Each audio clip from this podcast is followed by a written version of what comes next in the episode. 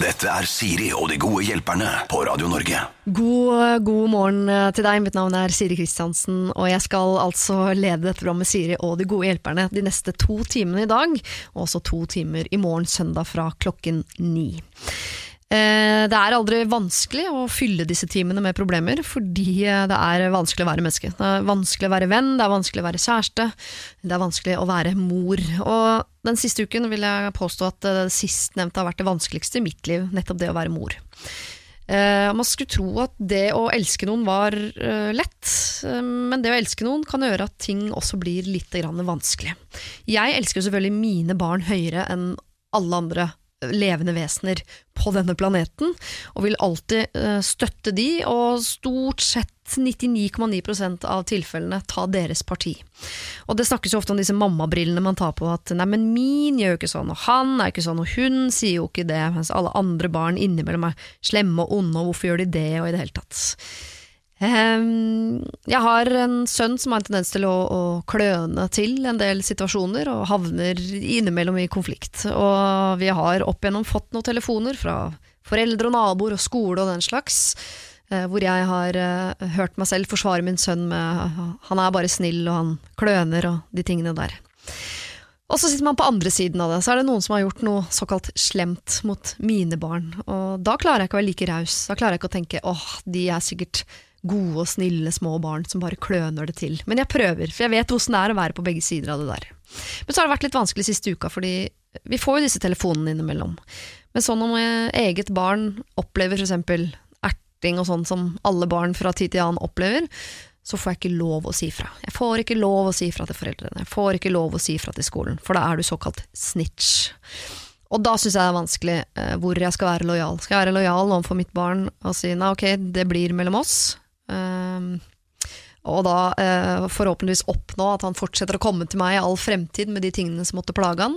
Eller skal jeg overprøve sønnen min og gå og ta det opp med de det gjelder? Det er jo litt deilig noen ganger når man har fått mange telefoner, og også kunne ta noen av de telefonene for å vise at det er ikke alltid min sønn som kaster snøball først. Så denne uken så har jeg da eh, valgt motsatt av det jeg pleier. Jeg har valgt å eh, ikke høre på sønnen min og rett og slett si fra om de tingene han har opplevd. Men det ble ganske godt tatt imot, for jeg sa det etterpå. Jeg har valgt å si fra selv om du ba meg om ikke gjøre det, og det virka som han faktisk egentlig syntes det var litt grann deilig. At jeg tok den avgjørelsen, selv om han hadde bedt meg om ikke gjøre det. Da var det jo jeg som var snitch, og ikke han. Så seinere denne uka her så kommer datteren min hjem og er eh, lei seg, eh, fordi da er det noen av de andre jentene på skolen som har sagt at hun har sagt at en annen jente er stygg. Så tenker jeg hm, har du det da, jenta mi? Har du sagt at en annen jente på skolen er stygg? Ja, det har jeg, mamma. Og så graver jeg i det, så viser det seg at en jente har kommet bort og sagt jeg har stygg genser, og så har min datter sett seg enig i det og sagt ja, den genseren din er stygg. Og da blir jeg i skvis igjen, for jeg tenker sånn, da har du på en måte blitt spurt om hva du syns, og så svarer du ærlig. Jeg prøver jo å lære deg til å bli et ærlig menneske, du har svart helt ærlig hva du mener, at den genseren er stygg. Og da må jeg prøve å forklare min eh, datter på eh, seks, snart syv år, at noen ganger så sier folk åh, jeg er så stygg på håret, åh, jeg er så stygg tegning, åh, genseren er så stygg.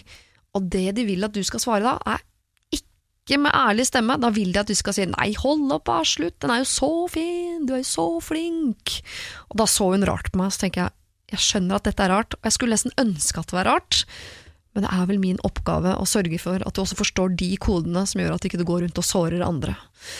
Så da måtte jeg forklare henne at nei, når noen spør om du syns genseren er stygg, så skal du ikke gjøre som jeg ber deg gjøre i alle andre tilfeller, nemlig være ærlig. Da skal du late som om du syns genseren er fin.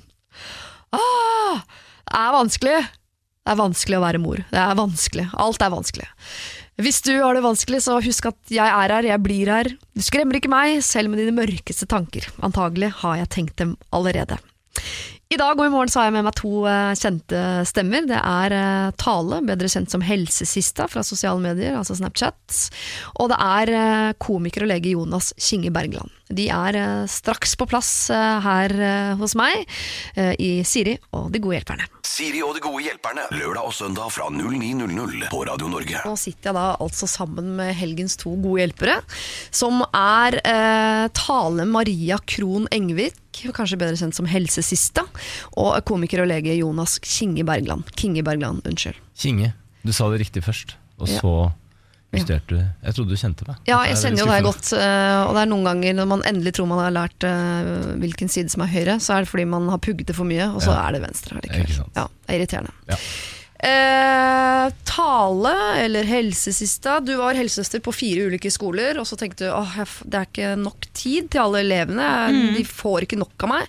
Jeg må lage en Snapchat-konto som jeg kaller Helsesista, og kan være litt mer til stede for eh, ungdommen, også der hvor de eh, tilbringer mer tid enn på skolen, faktisk. Inne på sosiale medier. Inne i telefonen sin. Og der var det et eh, kjempebehov, for nå kan du gjøre det på heltid.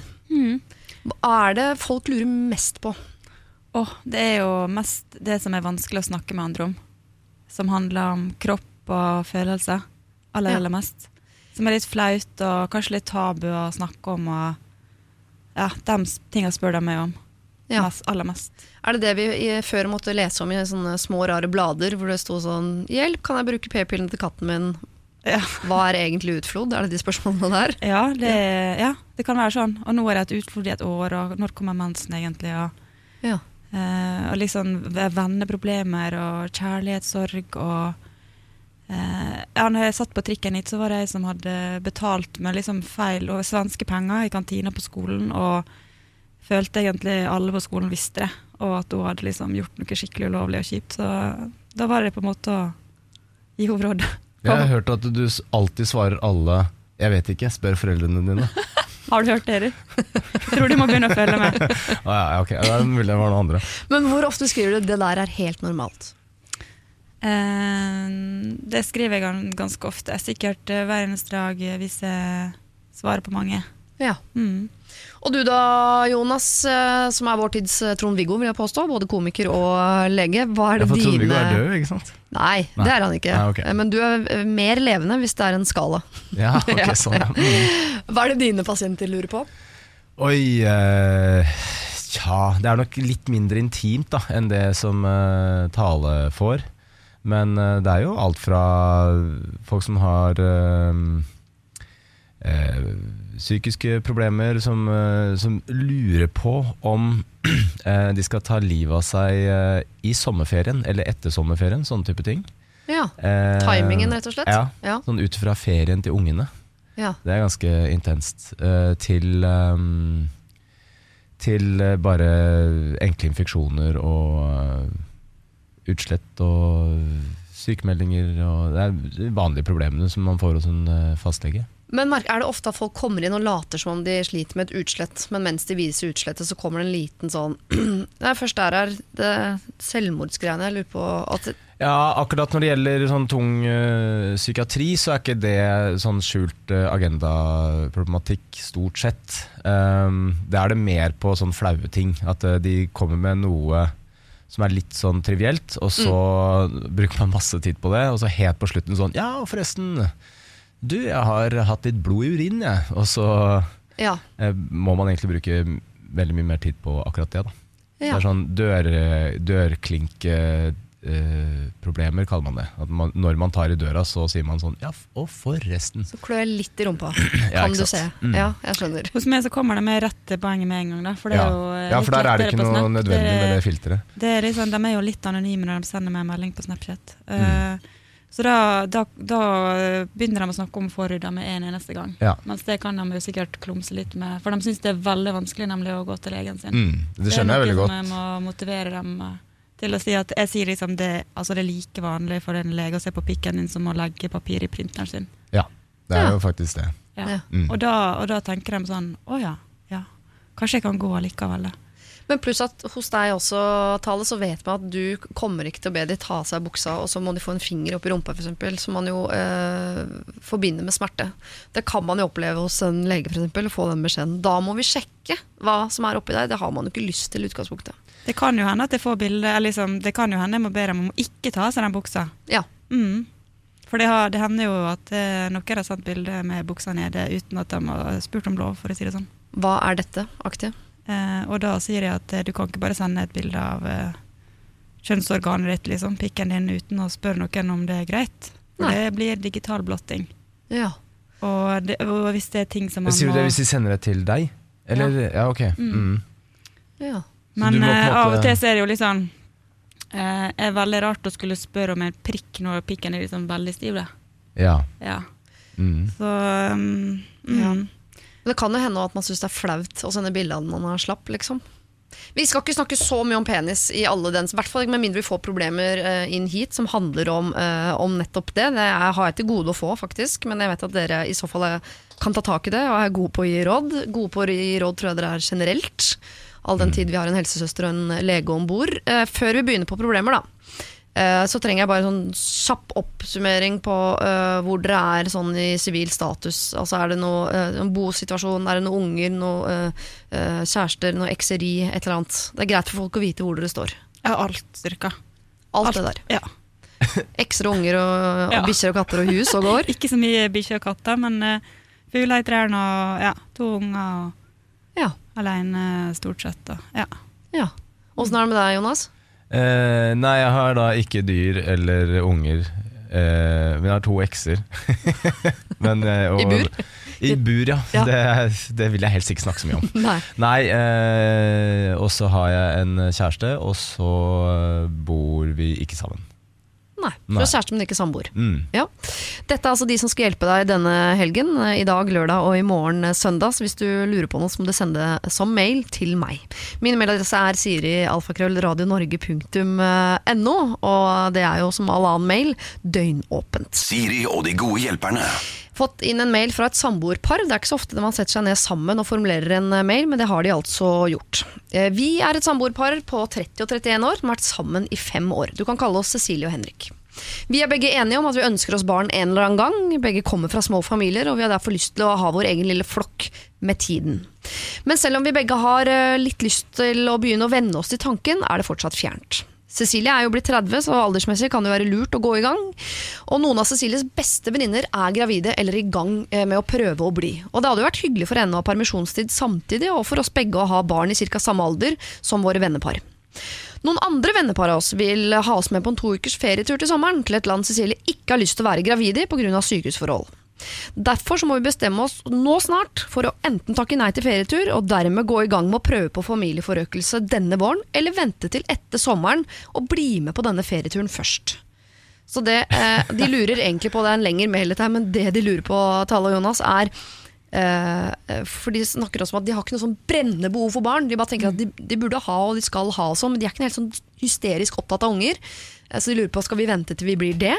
Og så du helt, eh, lurer du helt konkret på om de bør vente til etter den ferien. Jeg er veldig spent på hvilket land i verden er det det ikke er noe greit å være gravid i. Jeg var gravid i India, syns ikke det var uh, kjempetopp. Da havnet jeg på sykehuset av andre grunner, da ville jeg hjem. Men eh, det er fordi man er uh, redd generelt første gang man er gravid. Men eh, de må ikke nødvendigvis være høygravide da, i dette landet, kanskje. Nei. Um, men altså, hvor lenge altså, Må de føde akkurat samtidig som vennene sine? Det er litt Nei, man må eh, ikke det. Altså, når man eh, har fått et barn, så kommer man på helsestasjon, Mm. der det er masse små babyer og sånn. Og så blir man ofte satt i barselgruppe sammen med helt ukjente damer-babyer som er født uh, ca. samme tid, som eh, bor i nærområdet, kanskje i nabogata di, eller oppgangen ved siden av, eller nærmest nærmeste kilometeren unna, liksom. Det er det som er så magisk. Når man får barn, så får man også utdelt en sånn startpakke. En sånn eh, vennegjeng får man utdelt på Ja. helsestasjonen. Som er opptatt av akkurat det du er opptatt av. Men er dere, eh, du også opplevde det, å få en sånn startpakke-vennegjeng? Ja, ja, og de er veldig fine å ha når man er opptatt av gulp og bleie og sånn. Og Ja. så når det er over, så våkner man ut av den uh, tåka man har vært i, og så går man tilbake til sine gamle venner og snakker ja, om det man snakket om før. for du kjenner ikke den uh, gavevennegjengen? Nei, nei, hun aner ikke. Husker ikke hva det heter engang. Om jeg kjenner dem fortsatt? Ja. Ja, ja. Eller jo, jeg kjenner dem fortsatt. Eller jeg kjenner ikke dem så mye nå lenger. Nei. Ok, Men de har i hvert fall lyst til å ha barn samtidig som de eh, opprinnelige vennene sine. da Ja. Men Ja, eller er det det så det? nøye om, om ungene er akkurat like gamle? Altså Hvis det er tre måneders forskjell, har ikke det noe å si? har det det? Altså, Folk er så opptatt av sånn her nå bører og skall og måer. Men dette, altså, de må jo sette seg ned og så må de tenke hva er det vi vil egentlig? Ja. Det er Vil på det ferie til et farlig land? De må, de må kjenne etter hva er vi vil. Liksom Ikke leve livet sitt etter eh, om andre får barn eller andre skal på ferie. De må kjenne etter hva er det som er viktig for meg eller for oss akkurat nå. Ja. Er det å, er det å få sette i gang og dundre på og hekke, Eller er det å liksom reise på ferie og de, har jo, de har jo ikke det travelt, sånn sett. Altså, de, må, de må kjenne etter hva de vil. da. Jeg syns de kan dra på den ferien ja, og lage barnet på den ferien. Det kan jo være litt magisk. Pose og sekk-greie. Ja. Ja. Men det er ikke sånn at fordi man en dag setter seg ned og sier sånn Nå skal vi lage barn. Så er det, ikke sånn at da man, det er ikke som å bake boller. Det er ikke sånn at da uh, er det bare å sette den uh, klumpen inn i ovnen, og så er det gjort, liksom. Så eh, Å begynne nå kan det hende ikke bli gravid før jula 2025. ja, det er sant. Mm. Man vet aldri liksom hvor lang tid det tar. Nei. Og det er ofte noe som kan overraske noen. da. At det er eh, Oi, det, det, var, det skjedde jo ikke på første forsøk. Og så kan jo kanskje eh, noen ganger den ene parten synes at det er veldig hyggelig, da, at det tar litt lang tid. Men Den så ene kan man- parten. Den andre parten syns alltid det er kjedelig. Sånn er det. Sånn er det sånn. Rart med det. ja. Men, no, men så kan den andre parten òg bli lei til slutt. Hvis det blir mye sutring på den første parten. Hvis det blir sånn Bli ferdig, da! Jeg skal rekke noe. Når det, når det, blir, når det blir sånn teknisk. Men jeg tenker også det som de er opptatt av i forhold til disse venneparene. Det kan være en fordel å ha barn i ca. samme alder, Fordi da kan man dra på ferier, og det blir sånn man kan ha øh, såkalte playdates, og det er hyggelig. Men det kan også være noen ganger tror jeg man kan oppleve å øh, Selv mennesker man er veldig veldig glad i som venninne, det er ikke sikkert man liker de som mødre. Det er ikke sikkert barna liker hverandre. Så kan være det å være sammen med eh, bestevenninnen sin, deres barn og dine barn, er forferdelig. Så noen ganger kan det være greit å skille de to verden også. Jeg har barselgruppe, vi snakker om barn. Men det vet du ikke før dere. man har prøvd, da. Nei, nei, nei det, men, de, men de tar, det virker som de skal ta valg ut fra ting de tror de vet. De vet jo ikke hvis de begynner nå om de er gravide på ferie. De vet jo ikke om de havner på sykehus i det landet de skal på ferie.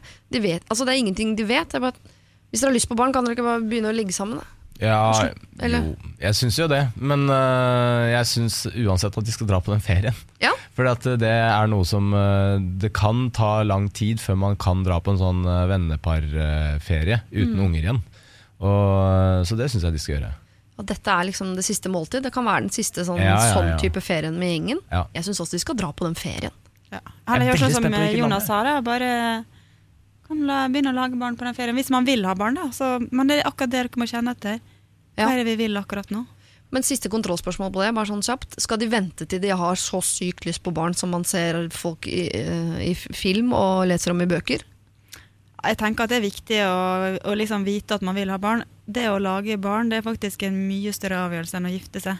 Ja. For når du får barn med noen, så er du da er du stuck med den personen for alltid. Men hvis du gifter Gifte deg, seg er jo en seremoni. Det er Da kan man eh, skille seg, og så trenger ikke man ha noe med den personen å gjøre. Ja. Men å få barn, det er, liksom, det er noe man skal virkelig ønske og ville og vite at man, må- man vil gjøre sammen. For det er et eh, livsprosjekt, rett og slett. Men nettopp derfor så kan det jo på forhånd også virke litt skummelt, men den dagen man er gravid, så skal man bli like glad for å se den ekstra brå streken som man blir når man ser ned på den diamantringen på fingeren. Det skal utløse på de samme følelsene. Man skal ha lyst på det barnet, tenker jeg. Men om dere har det akkurat nå, her dere sitter på en vanlig, eh, helt vanlig hverdag og bare tenker, det er ikke sikkert. Det tror jeg ikke er så vanlig nødvendigvis. Men det vi syns dere skal, dere skal dra på denne ferien. Og samtidig syns jeg at dere også skal begynne å lage det til barnet hvis dere har lyst på barn. Enten før dere drar, eller mens dere drar. Eh, ikke imens. Ikke Eller på flyet, eller på sex, den uansett, ferien. ferien. Men ja til ferie, og ja til barn på et eller annet tidspunkt. Siri og de gode hjelperne.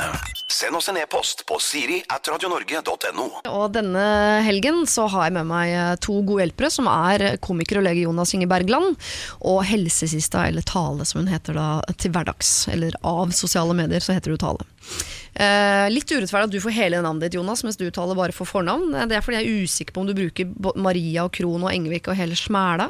Nei, mest, eh, det holder å si det én gang, og så syns jeg det er veldig fint å være så nær og personlig. Bare etter tale eller helsesiste. Men det er jo også litt artig at uh, helsesiste er, det er liksom superheltnavnet ditt. Ja. Så det er på en måte det du Du går inn i en telefonkiosk og kommer ut som helsesista, og så er du ute i verden og Ja. gjør gode handlinger. er Og så er det sånn, Hvis jeg har lyst til å gå ut i verden og bare være tale, så ser, så ser de med, med kappa påskutt skulle si. Da Ja. ser de helsesista uansett. Ja, Mm. det er fint. Du burde begynne med briller når du bare er tale. Da blir det ingen som kjenner deg igjen. Vent litt, jeg skal bare ta brillene. Ok, dere. Vi skal eh, hjelpe en som heter eh, Katrine, eh, som for noen måneder siden startet i en ny jobb der hun jobber med barn. Det er veldig hyggelig arbeidsplass, bra miljø. Det er bare ett problem. Jeg har en uhygienisk kollega. I begynnelsen tenkte jeg ikke noe spesielt mye over det, men etter en stund tenkte jeg over at han aldri skifta klær. Altså, og det er ingen overdrivelse, det er alltid den samme genseren og alltid den samme buksa. For min del er det ubehagelig hvis han skal gi meg en klem eller en klapp på skulderen, men jeg tenker også mest på at han koser med barna, og det er rett og slett ikke greit.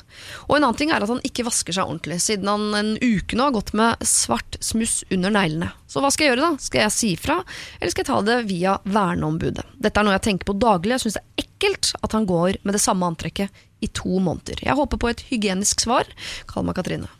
Da er det jo deilig å vite at jeg har en helsesøster og en lege her som kan svare eh, hygienisk på det. Um, Det er jo i utgangspunktet ikke så veldig farlig. Altså, hun øh, høres ut som hun er litt redd for sånn uh, mulig Basillusk. Ja, altså smitte, på en måte. Ja. Det er nok bakterier rundt omkring uansett.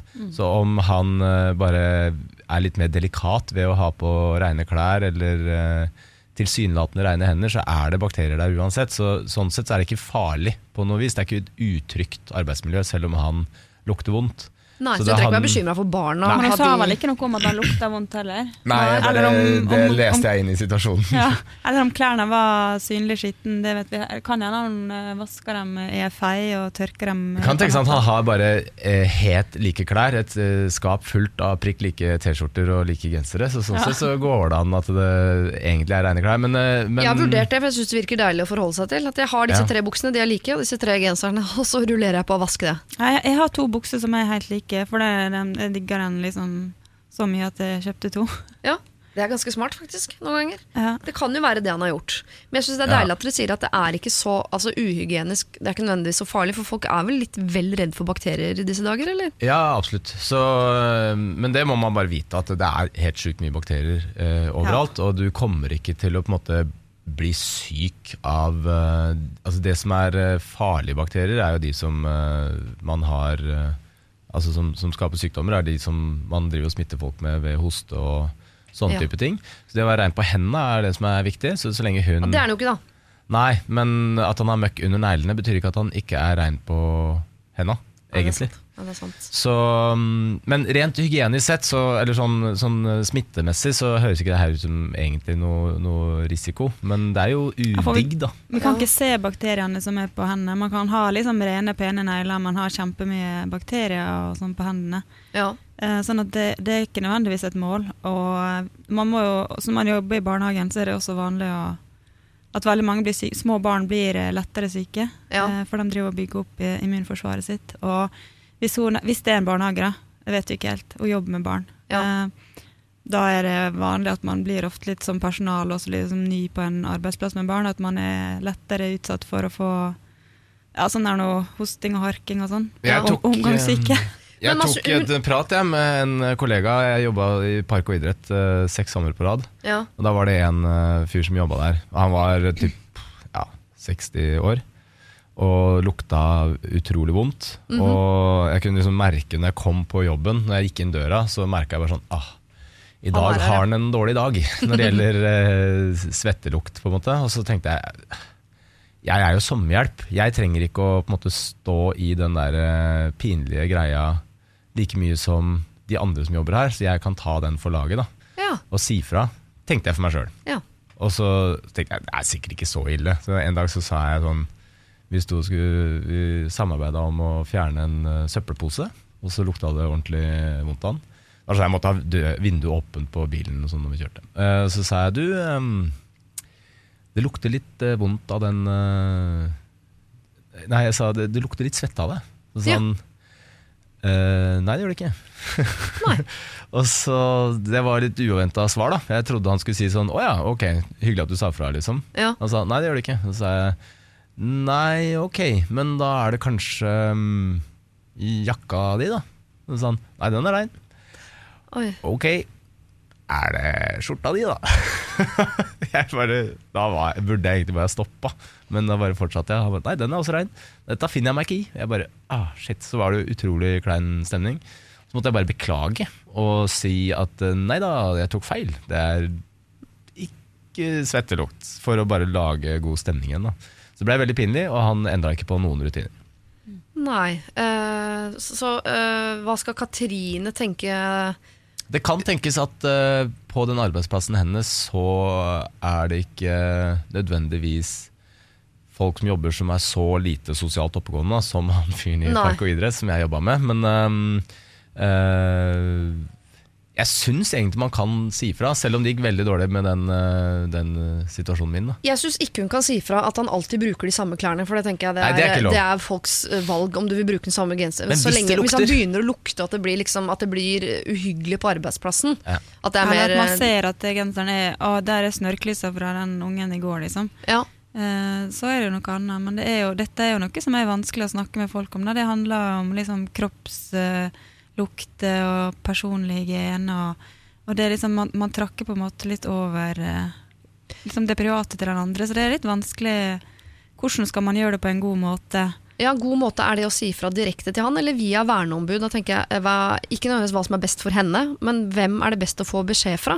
Kollega eller verneombud? Men altså, hvis du sier fra til verneombud, så vil jo verneombudet si liksom noen har ja. sagt ifra. Og da blir det jo en slags sånn form for du Hvor mange har sagt om dette, egentlig? Ja. Ja. Så det er mye det er bedre. bedre å ta det direkte. Er det Ja, jeg er enig. For ellers, Ja. så, ellers så blir det liksom Da blir man gående og ses litt over skuldra og tenke at her, det er ingen som liker meg her. Alle snakker om meg, kanskje. Og så er, er det kanskje bare én person som har gått Ja. og snakka om det. Jeg har vært et emne på personalmøte, liksom. Man Ja. vil ikke ha den tanken på Nei. jobb. Ok, Katrin, da sier vi det sånn at hvis det er eh, sånn at han, det ikke lukter noe, du bare syns det er rart at han bruker de samme klærne bestandig, så må du, det er en eh, style issue der må du på en måte bare svelge. Eh, hvis han lukter vondt, sånn at det er ubehagelig, så syns vi du skal si det direkte til han. Og hvis han er ordentlig sånn møkkete på henda, så kan det også sies fra om, men husk det at de fleste bakterier, de syns ikke. Så det der, De er eh, bitte, bitte små. bitte, Men, bitte, bitte, men hun kan jo også spørre han om råd. Siden hun er litt sånn ny, så kan han si sånn det, Hvordan gjør du, du det her, liksom? Er det sånn at man er det, Har du liksom ofte samme klærne på jobb? Eh, hvor ofte liksom Ja. Hvordan tenker du over de tingene her? For jeg har liksom lurt på om jeg bør hva slags klær jeg skal ha på meg på jobb. At kanskje ikke jeg har de fineste klærne mine her, men, Ja. men at, det, at det er kanskje litt lurt å Også med sånn hygiene, at jeg bør uh, Ja. Kanskje vaske det. Kanskje ikke bruke samme klærne mer enn to ganger. Men, men jeg vet ikke helt. Hva, hva tenker du, liksom? Du kunne, kunne også spurt han sånn Du, jeg vurderer å slutte å vaske meg og slutte å bytte klær. Hva syns du om det? Det kan også. Eh, Med mindre han gjennomskuer deg, Katrine, for da kan det virke veldig sånn hersketeknikk. Men å spørre han til råds er ikke så veldig eh, dum idé. Spørre hva som er vanlig, er ny her, hva syns du, osv. Det er helt klart lov eh, å spørre om. Eh, funker det ikke, så er det direkte beskjed som eh, gjelder. Og da syns vi faktisk du skal ta det eh, direkte med han, og ikke via verneombud. Siri og de gode hjelperne. Radio Norge. Jeg har gitt uh, Tale, helsesista, og Jonas uh, Kinge Bergland en liten kaffepause, rett og slett. Fordi uh, jeg vil at vi skal rette blikket bakover mot eh, en sending der Niklas Baarli og Jannike Widen var mine gode hjelpere. De eh, skulle bl.a. få lov til å hjelpe en som heter Marte. Eller hun kalte seg Marte med overtenning, fordi hun har en tendens til, når hun treffer gutter hun liker, eh, så får hun fullstendig overtenning. Altså Hun tar seg selv i å mase og eh, foreslå ting de skal gjøre, og være veldig veldig på. Og Hun var klar over at hun hadde en tendens til å skremme bort gutter. Nå hadde hun nok en gang truffet en gutt hun likte veldig veldig godt. Eh, De var midt i studier begge to, og han her var en flink student. Han hadde sagt ifra om at nå er jeg inne i en hard studieperiode, så jeg har ikke så mye tid. Men allikevel så klarer hun ikke å la være å mase på han om når de skal treffes, hvor de skal treffes, og anklage han for å ikke være interessert. Han har hele tiden sagt 'jeg liker deg veldig godt, men du må vente, slapp av'. Og hun var eh, redd for at hun skulle skremme bort også denne gutten, og spurte derfor også om hjelp til hvordan hun kunne få litt mindre overtenning. Jeg lot eh, Niklas og Jannicke få lov til å prøve seg på dette, og her er noe av det de sa. Jeg fikk gåsehud når du leser problemet nå, fordi det der eh, har jeg også blitt utsatt for en gang. Ja. Og det finnes ingenting mindre tiltrekkende enn akkurat det der. Det er det minst tiltrekkende i hele vide verden, med mindre personen står foran deg og sier sånn 'Jeg elsker deg, men jeg er pedofil'.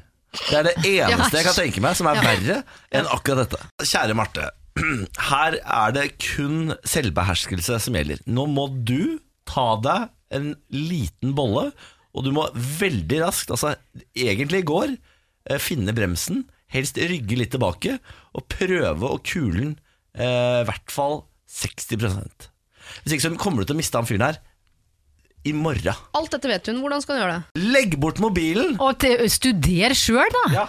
Hun skal jo opp til eksamen, hun også, så hun kan jo studere dobbelt så mye som hun hadde tenkt. Si ifra til venninnene dine. Få de til å ta vare på deg. De vet jo åpenbart at du er klin gæren. Drikk.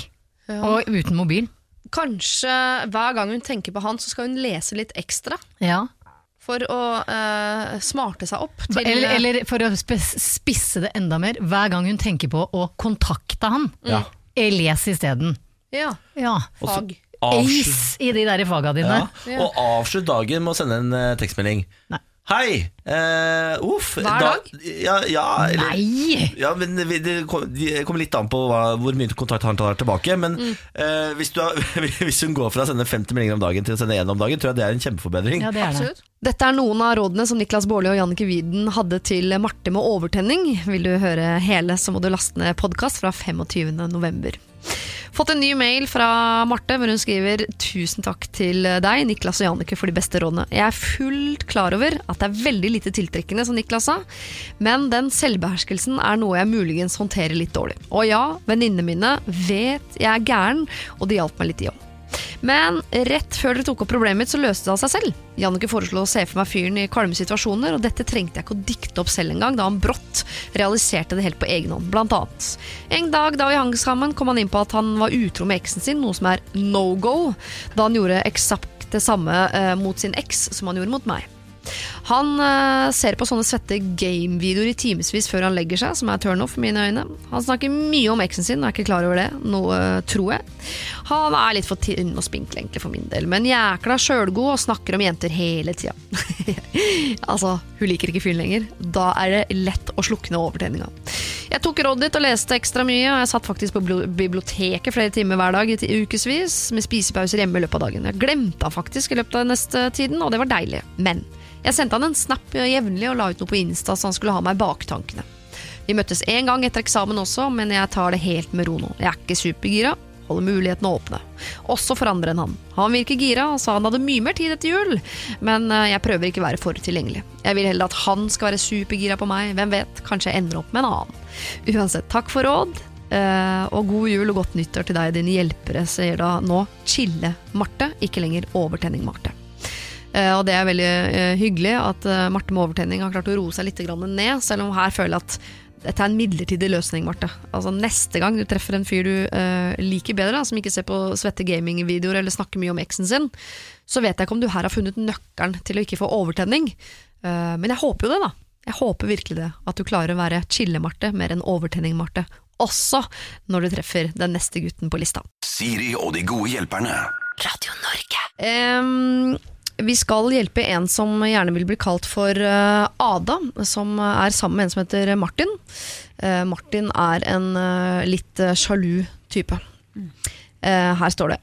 Kjære Siri og hjelperne. For et halvt år siden ble jeg sammen med Martin, en helt fantastisk fyr som er verdens snilleste. Martin har sagt at han lett blir sjalu og gir uttrykk for at han ikke liker så godt at jeg henger med kompiser, noe jeg har mange av. Men jeg digger å henge med gutta og se på noen av dem som mine nærmeste venner. Det er spesielt én kompis som jeg er god venn med, dere kan kalle han Elias. Og vi hadde et noe uvanlig vennskap da vi ble kjent med hverandre. Vi ble intime, begynte å ligge sammen, men samtidig hjalp vi hverandre med dating og ekskjæresteproblemer. Det har altså aldri vært noen følelser mellom Elias øh, og øh, denne øh, Ada. Elias har gitt uttrykk for at han savner å henge med meg, og jeg ser fortsatt på Elias som en veldig veldig god venn, og jeg vil gjerne henge med han og ha det gøy, uten alle de intime greiene, selvfølgelig. Men jeg er så redd for hva kjæresten min Martin syns om det, og har derfor sneket meg unna de fleste situasjoner hvor Elias har hintet om at vi skal møtes. Mitt drømmescenario er selvfølgelig at Elias og Martin kan bli gode kompiser, og Elias ville nok ikke hatt noe imot det, men Martin derimot tviler jeg på at verken uh, har lyst til at han eller at jeg skal ha noe som helst med Elias å gjøre. Så det jeg lurer på er Eh, kan jeg være venn med den Elias? Skal jeg fortelle Martin om fortiden med Elias og meg? Eller skal jeg fortelle Elias om hvorfor jeg føler at jeg ikke kan henge med han lenger? Altså, La oss svare på det først. Da. Kan Ada fortsette å være venn med Elias, nå som hun er sammen med Martin, som er en sjalu type? Hva tenker du, Dale? Ja, ja, selvfølgelig. Eh, hun jo Hun må jo beholde, være venn med de vennene hun er glad i og har, og sånne ting. Ja. Det er jo ingen som eh, kan bestemme hvem du skal være venn med og ikke. Men hvis det blir dårlig stemning hjemme hver gang, både før du skal treffe den Elias, og etterpå Ja, da, da begynner jeg nesten å lure, lure litt på det forholdet he- heller. Ja. Uh, Det er vanskelig hvis man først er sjalu, liksom, så klarer man vel ikke å la være. Er ikke det som er Men altså, hun har ikke fortalt til uh, Mort Martin? Martin at, at eh, hun har ligget med Elias før. Nei. Nei, så la det være sånn, da. Ikke, Ja, det- ikke si det. Det Nei. tenker jeg, og det har han ingenting Det, har, det hører liksom det er deres historie, liksom. Det, har, eh, det trenger ikke han å vite. Nei.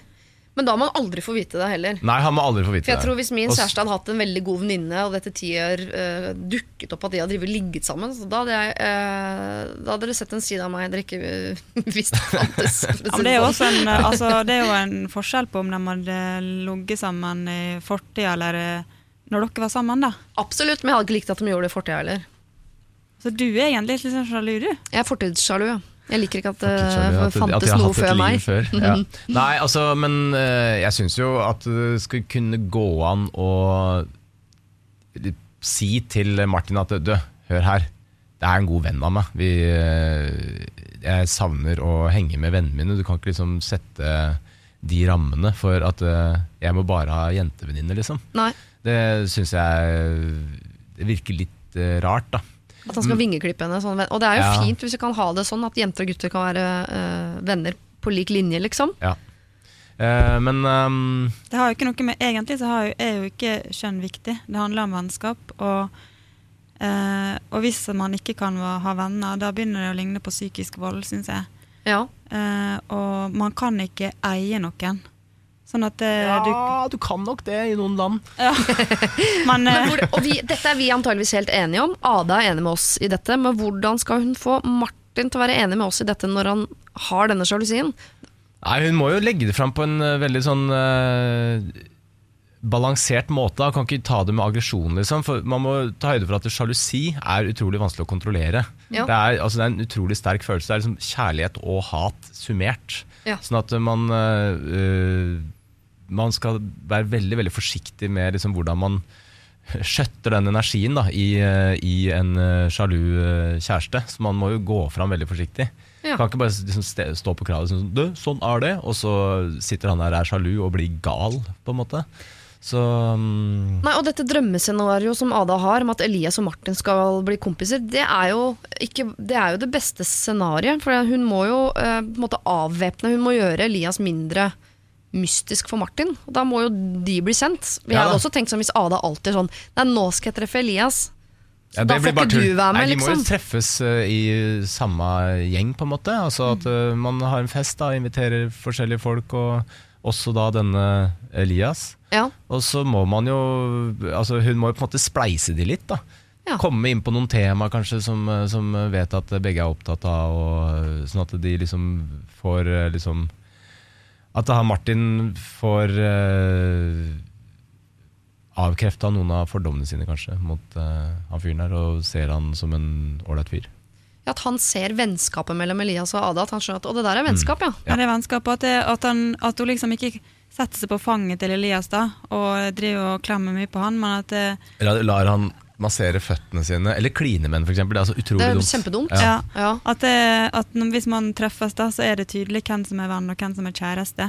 Og at, det, at det, hun lar Martin føle seg som virkelig kjæresten. Mm. Uh, men så, det kan jo hende at en bør snakke litt om denne sjalusien også. Uh, for det handler jo om frykt. sant? Ja.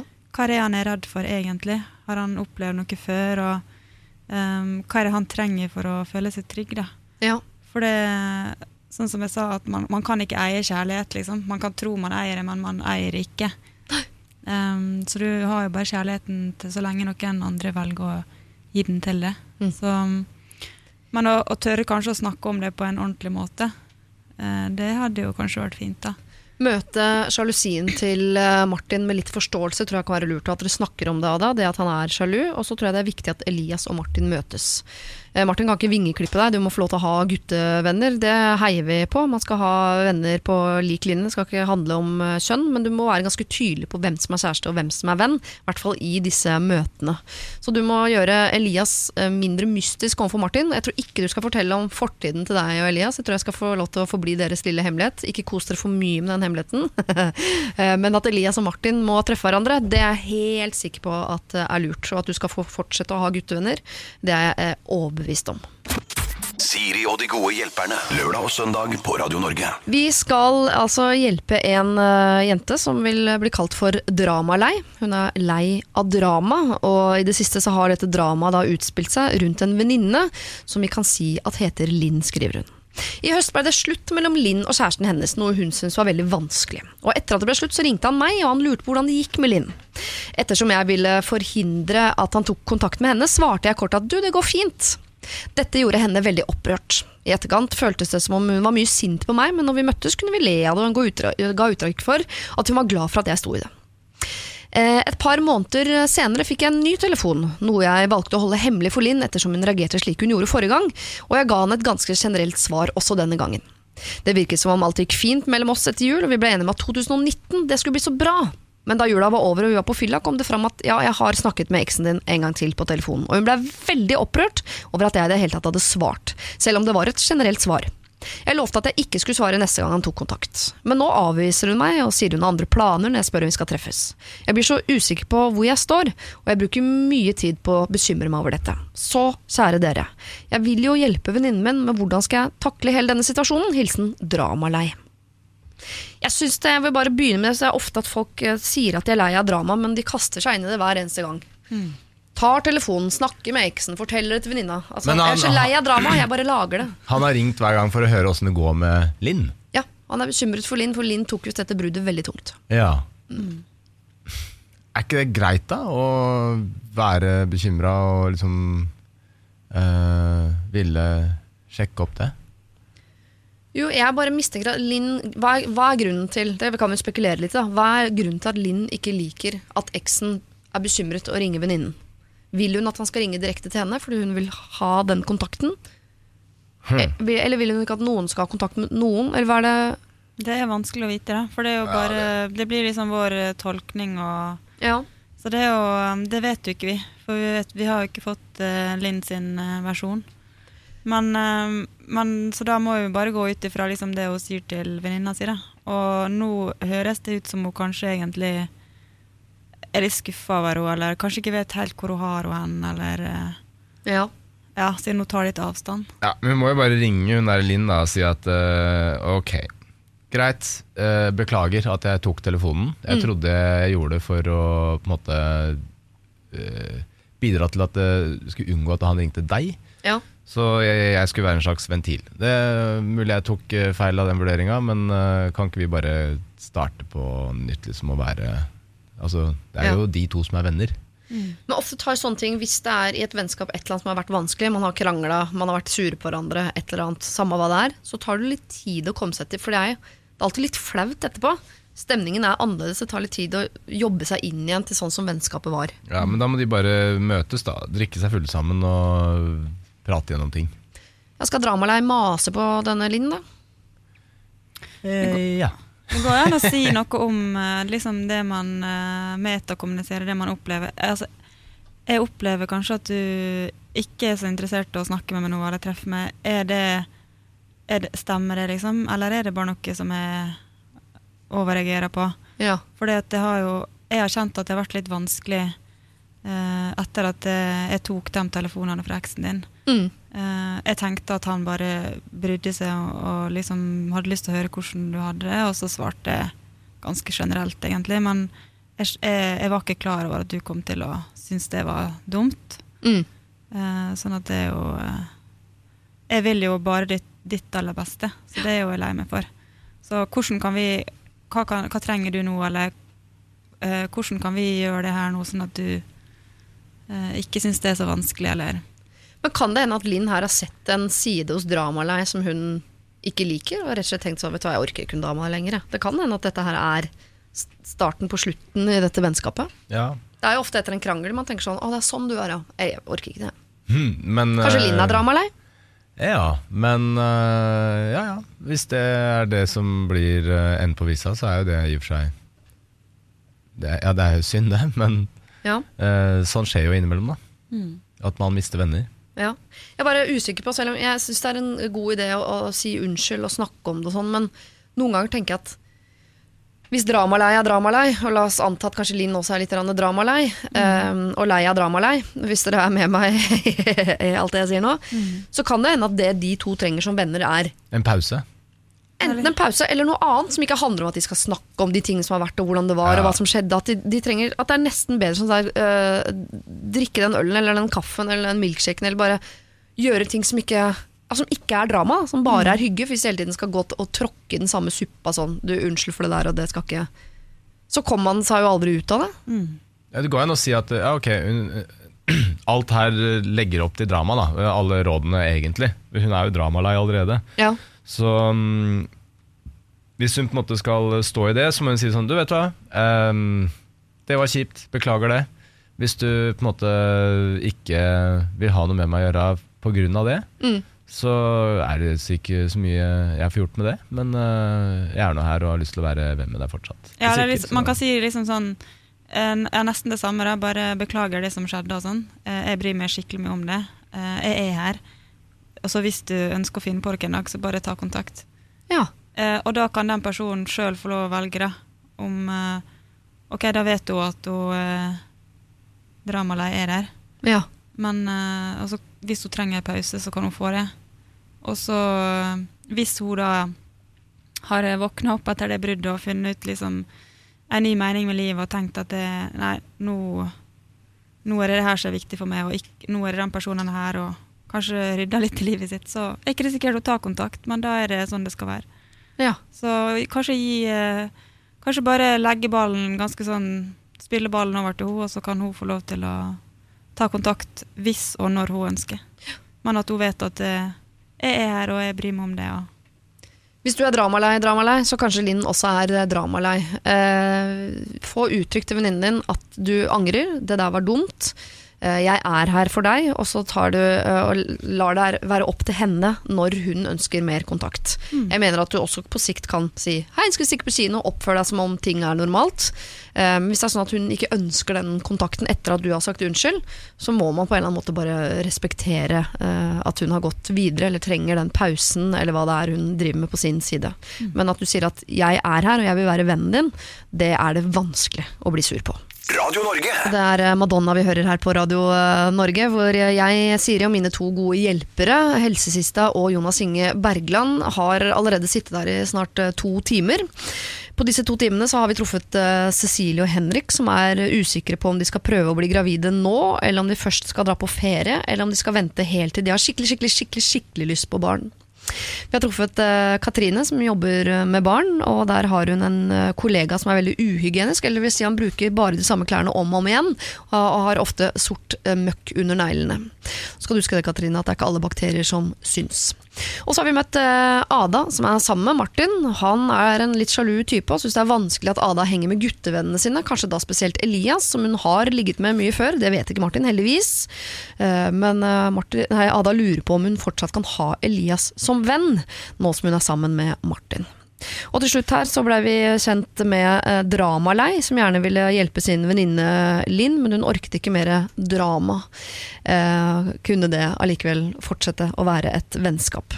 Er det noen her, eh, Jonas og Tale, dere tenker litt sånn ekstra på? Så tenker sånn, åh, der, det der er vanskelig, det der fikk vi ikke løst, liksom. Eller der skulle jeg gjerne gjort mer. Hmm. Nei, altså et, Jeg har Du følte at du naila det? Følte at du naila det. Nei, jeg følte vel Jeg har mest vondt av um, Linn og Dramalei, egentlig. Ja. de, altså sånn, sånne vennskap som eh, på en måte ligger an til brudd, det er litt sånn Det er vondt på en annen måte enn kjæresteforhold. Og så er det så mye usagt, og det er så mye stolthet, og så mye Man vet aldri hva den andre vil, og Ja, nei, det er vanskelig. Og det varer så lenge. Altså, en kjærlighetssorg kan jo vare litt, det, men eh, det går over, og så er det greit, på en måte. Ja. Sånne vennskapssorger er eh, ja, Det varer lenge. Ja.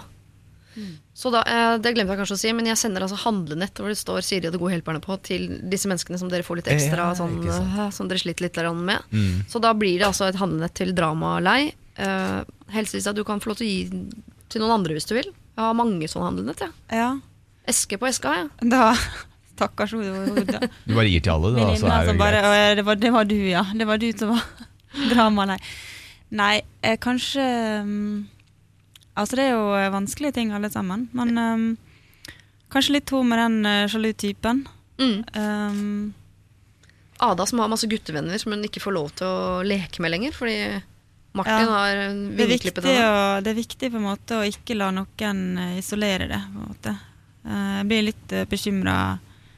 Hun må få lov til å være den hun er, og være ikke, ikke måtte slå opp med disse vennene sine. For som du sier, det kan være veldig vondt. At det er jo eh, Det er viktig å, å beholde venner selv om man får seg en kjæreste. Og, ja, så jeg tenker litt på, på henne. Da sender jeg altså et handlende til Dramalei og til Ada. Og så har jeg også lyst til å si til Ada, glemte jeg at du kan jo snakke med Elias om at du er sammen med en fyr som er litt sjalu.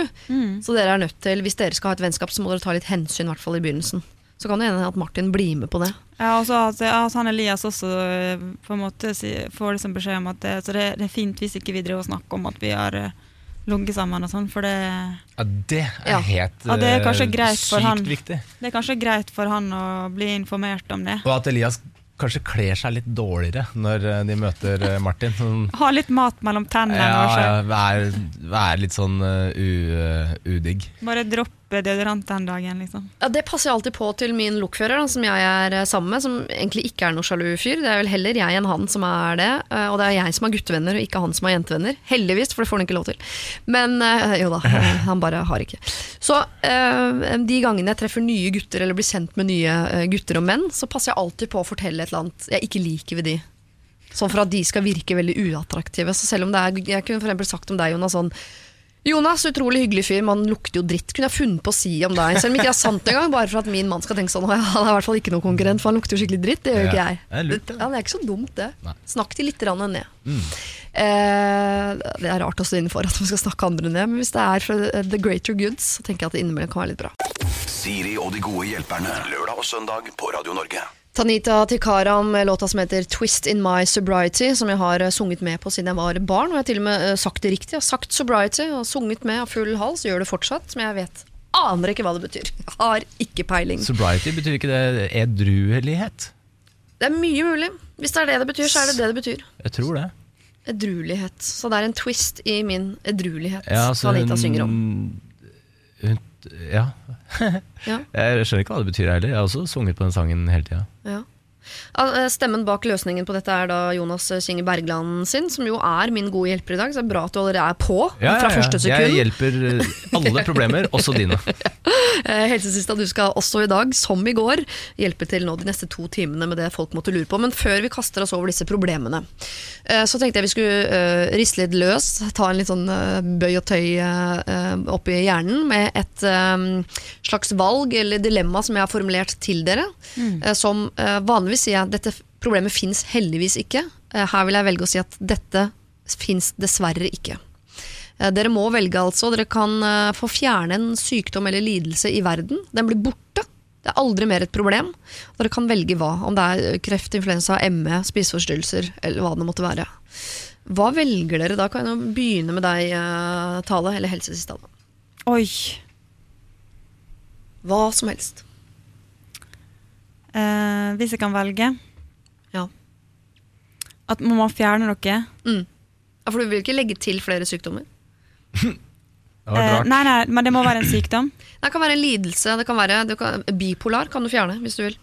Ja. Schizofreni. Kjønnsvorter, Eh. hvis du syns det er det største problemet vi har. Kanskje sånn eh, Kanskje det er behovet for å trykke andre ned og gjøre andre vondt. Selvhevdelse. At vi fjerner det. Ja. At folk ja. litt, blir litt eh, blir rett og slett eh, blir eh, Bare rett og slett rause og gode eh, mot, eh, mot alle. Da kan det hende at eh, kanskje alle hadde fått nok vann og mat og Ja. Mm. Ja. At det kan være roten til mange av de andre problemene vi har. Ja. Ja. Vi fjerner egoisme og selvhevdelse, Mm. og får en rausere verden. I tillegg fjerner vi, Jonas Ja, altså en sykdom. Må jeg forklare det igjen? Har du ikke Ja, hørt okay. meg forklare det til Jeg vil fjerne sykdommen homofili. Det er Det syns jeg lager så mye bråk og støy. ja. Ja. Nei, jeg ville vel kanskje tatt en sykdom som, eh, som på en måte eh, skaper veldig mye problemer eh, i store deler av verden, da, og holder deler av verden nede. Så da velger jeg enten malaria eller tuberkulose. Skal vi se Jeg går Hvem er for lettest å, øh, å helbrede i dag? Eh, malaria, men ja. eh, Og det er jo kanskje snakk om at de får til en vaksine av eh, malaria, og da er det problemet litt ute av verden. Så jeg sier tuberkulose. Du fjerner tuberkulose. Ja, En tredjedel av verdens befolkning har tuberkulose, og det skaper enorme problemer. Med sånn eh, eh, flere sykdommer samtidig, så blir tuberkulose det store problemet etter hvert. Ja. Eksempel hiv og tuberkulose. Dårlig miks. Ja. Mm.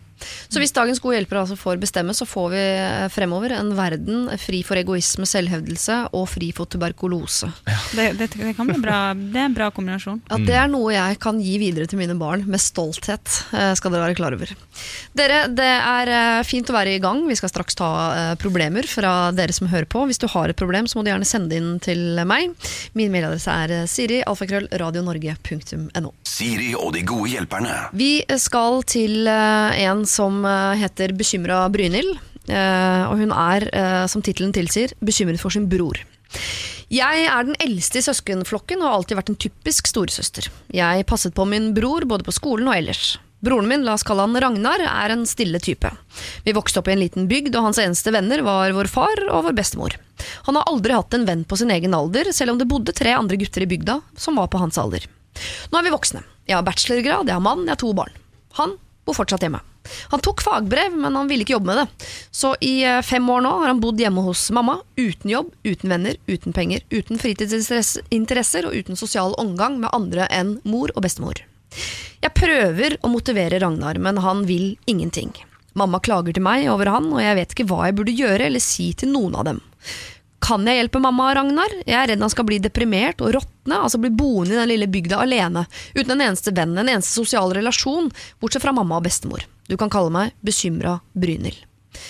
Altså, dette er en god bekymring, eller den er jo vond å ha, men det er jo øh, godt at Brynhild tar den, liksom. At hun er bekymret for broren sin, og moren sin, som er lei av at altså, øh, sønnen hennes har bodd hjemme hele livet, og ikke ser ut til å ha tenkt å endre noe som helst.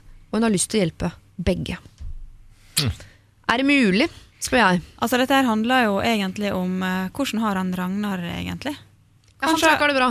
Han har ikke det bra? Jeg vet ikke. Hun skrev jo at han, hun er redd for at han blir deprimert, og da tolker jeg det sånn at han ikke er deprimert nå.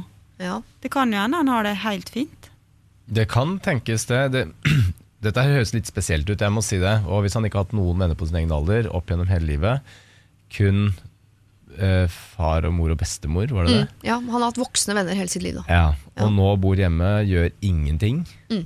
Uh, altså det er litt far-fetched å si, litt søkt, men det høres litt ut som at Ragnar har en diagnose.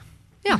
Og kanskje finne ut av det, om han da uh, Altså ja, få han til en, eh, en, eh, en form for uh, helsesjekk. For å bare se om eh, hodet hans fungerer riktig. For Det kan tenkes at han har en personlighetsforstyrrelse eller et eller annet som gjør at han ikke tør å gå ut, eller uh, gjør at han uh, stenger seg inne. da. Og det blir jo ikke noe lettere hvis man har tilbrakt de første liksom, 20-30 årene av sitt liv på denne måten. Så er det ikke sånn at man plutselig en dag rister det av seg og går ut og får seg kompiser. Nei. Man sier at han går til en lege da, og finner ut at han har, har en eller annen forstyrrelse. Hvordan vil det endre noe, tenker du? Nei, det kan tenkes at han kan få hjelp av medisinering. Mm, Eller en eller annen form for eh, støttegruppe hvor folk har eh, kjennskap til den måten å um, eh, Altså den psykiske tilstanden. Da. Nå bare spekulerer vi at han har en eh, sykdom, men det kan tenkes. Og om ikke annet, om ikke det eh, hjelper han, så kan det hjelpe andre rundt å forstå. Da kan f.eks. Brynhild forstå at du, han er ikke deprimert. Han har det helt fint, han. Og mor kan forstå sånn, vet du hva, han blir boende hjemme, han. Sånn er det. At det kan være lettere å slå seg til ro med det rundt. At man slipper å gå rundt, at du kan fjerne bekymra fra Brynhild og bare gå for Brynhild herfra. Men hvis han ikke har noe jobb, så er han jo antageligvis inn i et eller annet system. Altså Nav, eller eh, det, det må være en eller annen form for eh, kontakt med det offentlige som, som kanskje eh, kan være en inngang da, til å ta, ta litt tak i eh, Ragnar og se hva, Ja. hva man kan eh, bidra med. Og så er det jo også det om han klarer han seg godt sjøl, eller er han avhengig av hjelp? For det at eh, si når mamma og bestemor ikke er det lenger, da. Kan han da klare seg liksom alene, eller trenger han mye hjelp i hverdagen? Det er også en viktig ting å liksom, som ikke vi vet. da. Ja, man må jo, altså Hun må jo spørre Ragnar da, hva, hva tror du kommer til å skje hvis eh, altså når de du bor med, ikke er her lenger. Ja. For det vil jo skje på et eller annet tidspunkt. Men er det, jeg syns det er veldig fint at Brynhild er bekymra, at hun bryr seg. Er det hun som skal løse dette? Det er jo eh, til syvende og sist Ragnar, men noen må hjelpe han å ta tak. Eller er det mor? For nå virker det som mor også går til Brynhild og klager. Så nå ligger både mor og bror på skuldrene til Brynhild. Ja, men de kan jo mm, De må jo snakke Eller de, De må jo ta ta det sammen. sammen, det går Ja. fint. Ja. Og, men, men så er det også litt det at eh, eh, sånn som samfunnet vårt er, så har vi veldig forventninger til hvordan folk skal være, og med en gang noen bryter med det som er tradisjonelt, da, Ja. så tenker man eh, veldig fort at det er noe galt med dem. Og det er jo noen som er fornøyd med å ha et eh, litt enklere liv. Ja. Jeg så på en sånn der noe liten, veldig fin liten film eh, eh, 'Bjarne vil ikke på film', eller noe sånt. Fra Ja. ei sånn lita bygd eh, i Sogn og Fjordane, eller noe sånt. Mhm. Men eh, en kar som hadde liksom Han hadde bodd på den gården og hatt sauer hele livet, og hvis han kunne få lov til å velge hvor som helst i verden, nei, da ville han reise liksom bort på Odden, liksom lenger bort i fjorden. Eh, Eller ja, være akkurat der han var, da. Eh, og hadde ikke noe behov for å liksom filosofere over de store spørsmåla og følelsene i livet, liksom. Men han hadde vel kanskje en jobb, da. Ja, det Så var det jo å være på gården og passe på sauene. Ja, ja, ja, men da har har du en eh, funksjon, så jeg tenker jo det at hvis Ragnar ikke har noen funksjon, så er det en belastning for moren sin. Ja. Uh, og det er litt dårlig gjort å være et uh, digert barn som uh, aldri på en måte slutter å suge pupp. ja. Så han må jo komme seg på et eller annet vis eh, inn i en, en form for funksjon. Jeg er enig i at han kanskje skal komme seg inn i en form for funksjon, men jeg, jeg synes det er veldig fint også å tale at man tar for seg det at det er ikke sånn at han trenger hjelp til å komme seg inn i den firkanta boksen som vi andre står inn i. på en måte. Det trenger vi ikke. Det kan godt hende han har det helt fint på utsiden der, men det er klart eh, Hvis det plager mor, han lever på henne økonomisk at, han, at det på et eller annet tidspunkt så må det gå an å stilles noen krav til Ragnar, selv om han ønsker seg en annen type liv, så må man kunne stille noen krav når han har nå blitt voksen. Men fortsatt, som du sier, Jonas, eh, suger pupp, på en måte. Det, altså det han, hvis, han, eh, hvis han bare sitter i sofaen og er veldig hjelpeløs og ikke klarer seg sjøl, sånn, det, kan- sånn som- det kan jo være sånn som du sier, at han har en diagnose. Mm. Eh, ja, det, men så det kommer jo veldig mye an på hvordan, hvordan har han det egentlig. Hvordan opplever han sitt liv? Mm. Eh, hvordan fungerer han i hverdagen? Eh, og hvis noe skal være annerledes, hvordan kunne det blitt annerledes på en god måte for han? Ja. Så det er jo Jeg tror jo det er kjempetrist da, for moren å se at sønnen på en måte ikke jeg si, utnytter livet sitt eh, til det fulle potensialet. Det er jo Ja. et, et eller annet trist med å da ikke være sosial. Sånn, hun har jo helt sikkert hatt dette selv, og bare ser at eh, Ragnar da ikke eh, ja, tar del i de tingene som er eh, fint og gøy i livet. da. ja. Så um, jeg syns eh, han bør eh, ta et ansvar og, og prøve å gjøre noe med det.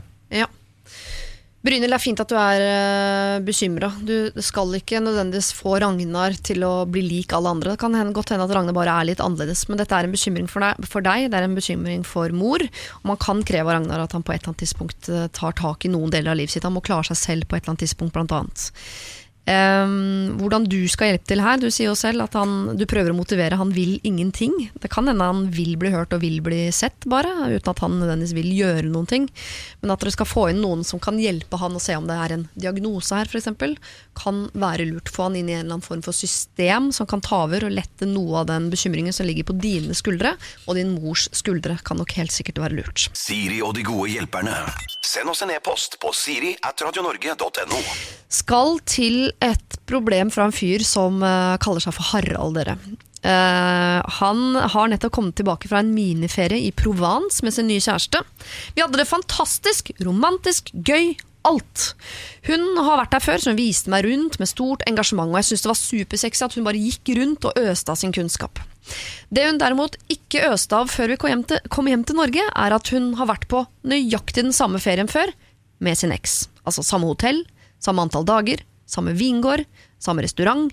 Og plutselig syns jeg hele, at, hele denne ferien bare er ekkel. Det virker som oppgulp. Og jeg begynner å lure på hvem skal du ta med neste gang, liksom. Er jeg dust, eller er dette litt grann rart? Det er ikke så ofte vi svarer på det spørsmålet, men er Harald dust? Er altså spørsmålet jeg sender videre til eh, deg, Tale, og deg, Jonas. Eller kan dere forstå hans reaksjon? Han er ikke dust. Han er ikke dust, men han trenger ikke, det er jo ikke verre enn at det bare sånn Ok, da var ikke ferien så Du fikk med en liten bismak, men det er ikke noe han får gjort noe med nå. Han skal jo ikke gjøre det slutt pga. de greiene her. Det er bare at det er litt døvt. Hun digger Ja. sikkert helt enormt eh, den plassen. Ja. Og eh, han kan jo tenke sånn at eh, ja, nå var hun her faktisk med meg og ikke han, så velg å være takknemlig for det. Men kan, uh, altså skjønner du at han tenker at mye av det da ikke var ekte? At den der uh, lidenskapelige måten hun fortalte om den vindrua-aktig Jeg vet ikke, hva, men uh, at det kan være sånn ja, det er du, å, Har du manus? Er det et skuespill? Eller at det bare føles mindre betydningsfullt? da? Så hun kan jo bare se det, Han kan se det på, på den måten at hun hadde en Hva skal jeg si En En sånn innkjøringstur første gangen hun var der. Bare Ja. for å få den kunnskapen, og så er dette den ordentlige turen. da Når, eh, Hvor hun liksom eh, Ok, nå, nå kan jeg denne, denne ruta her. Ja. Og nå skal jeg vise den til eh, en jeg faktisk bryr meg om. ja, Tenk hvis hun kom hjem fra forrige tur og tenkte sånn Å, det var fin ferie, jeg skulle ønske jeg kunne gjøre det med noen jeg elsker. Hei, Harald! Ja. Altså, man gjør jo gjerne ting med en kjæreste som man har gjort med andre før. Hva tenker du? Nei, det kan være mange ting. Eh, sånn at det, jeg tror ikke han liksom skal eh, tenke at det er noe sånn svær greie, egentlig. Men man tar jo med seg man, Hun tar han sikkert også med hjem til foreldrene, det har hun gjort noen før. Ja. Eh, her Leier, vokste leier hender. Bare sånn Nei, men det gjorde Vi- du med eksen. Ja. ja. Kanskje man har gått på samme restaurant i, samme, i den byen man bor i, eller på kafeen på hjørnet.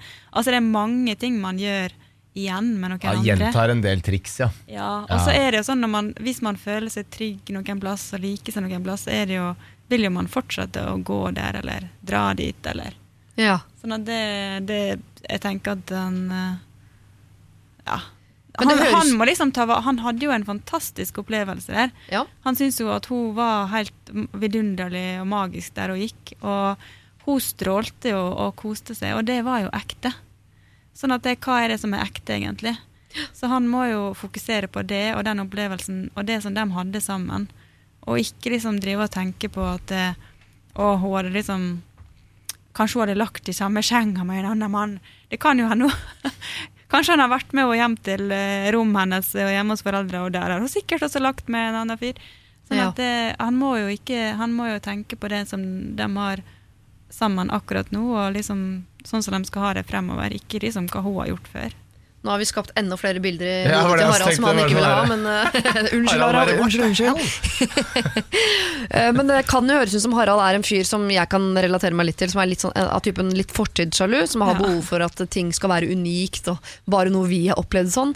Men det kan vel Harald lage, da. At han sørger for at det neste fine dere to gjør sammen, det er, er det ingen av dere som har gjort før. Det er, det er bare deres, på en måte. Ja, men det er jo uansett unikt, for det, hun har jo ikke gjort akkurat det. Det, det går ikke an å gjøre altså Selv om hun hadde vært med samme person, så går ikke an å gjøre det Ingenting kan bli akkurat det samme. Uh, uansett. Nei, Nei, sånn men at det er det- samme stedet, så jeg Ja, skjønner men jo at man tenker sånn Åh, det var litt kjipt, liksom. Ja. Men livet går jo videre, da. Det er ikke sånn Man trenger jo ikke å stoppe og dvele ved akkurat det greiene der. Ok, ferien fikk en litt annen farge enn det du trodde, og så er det ferdig med det. Ja. Jeg, jeg merker at jeg er ikke så veldig fortidssjalu. Nei, det merker jeg også at du ikke er. Jeg er det ikke så veldig lenger, jeg heller. Jeg bare husker det godt at jeg har vært det, og hvor eh, plagsomt det kan være. I hvert fall når man bor på et lite sted. Eh, Harald, det var ikke meningen å fylle hodet ditt med flere ekle bilder, men det er nok sånn at mye av de tingene du og din kjæreste skal gjøre, er ting både du og hun har gjort før. Så var det litt uheldig at det var helt likt den ferien. Men eh, uansett så er den jo ikke helt lik, for du var ikke der. Og hun liker jo deg bedre, for det er deg hun er sammen med nå. Og neste ferie, den du skal planlegge, den kan jo bli helt unik for dere begge. Siri og de gode hjelperne. Mitt navn er Siri Kristiansen, og du hører på Siri og De gode hjelperne, hvor jeg hver eneste lørdag og søndag inviterer eh, to til å komme hit og sitte ved min side og gi så gode råd de kan, basert på den erfaringen de måtte ha, den moralske kompasset de måtte inneha, eh, det som måtte dukke opp i hodet, eller hva den nå bruker som sin kunnskapsbank, ikke vet jeg. Det er litt eh, opp til hver enkelt. I tillegg så pleier jeg nå ukentlig å kontakte en som har en eller annen ekspertise på et eller annet felt, som jeg tenker at vi alle kan høste noen goder av. Jeg gir de oppgave å se for seg at eh, hele Norge er samlet i en eh, stor gymsal, eh, og du har altså noen minutter til rådighet hvor du kan fortelle alle menneskene i dette landet samtidig hva du mener at de bør høre fra ditt felt. Denne uken har jeg snakket med Håkon Aars, som er eh, sexolog. Og det tenkte jeg kunne være litt greit nå på nyåret, og hvis det går litt trått på den fronten der, og få røska opp litt. Grann. Hva er det Håkon Aars mener at vi alle burde tenke litt grann mer på?